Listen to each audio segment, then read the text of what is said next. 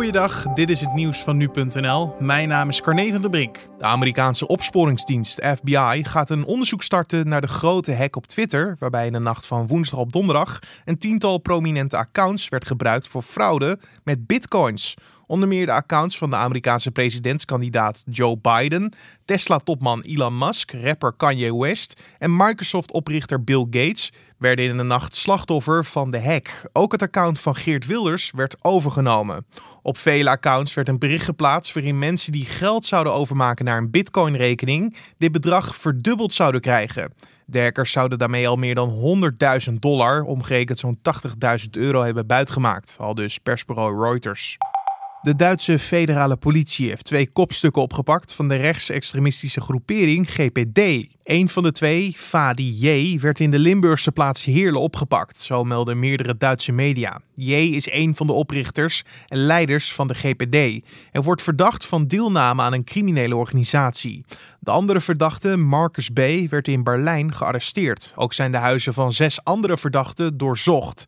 De groepering werd in 2016 opgericht en roept op social media onder meer op tot geweld tegen Joden. Ook maakt de GPD zich hard voor neonazistische ideologieën, de verspreiding van antisemitische propaganda en het ontkennen van de Holocaust.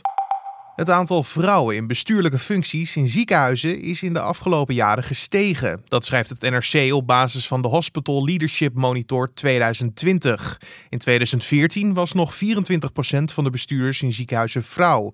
Eind 2019 steeg dit percentage naar 36%. Uit het rapport blijkt verder dat elk ziekenhuis in 2019 minimaal één vrouwelijke bestuurder of toezichthouder had. Ook dat is een toename ten opzichte van de afgelopen jaren.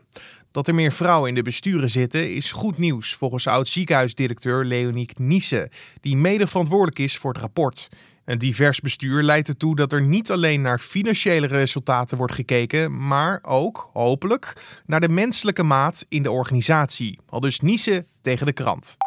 Real Madrid heeft donderdag na twee seizoenen zonder succes in La Liga, de Spaanse titel, weer overgenomen van aartsrivaal FC Barcelona.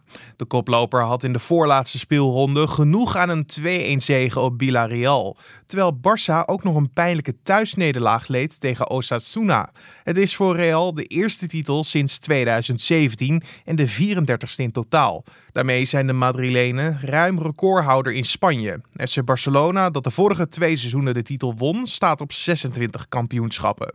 Real stond half juni bij de hervatting van La Liga nog tweede, op twee punten van koploper Barcelona.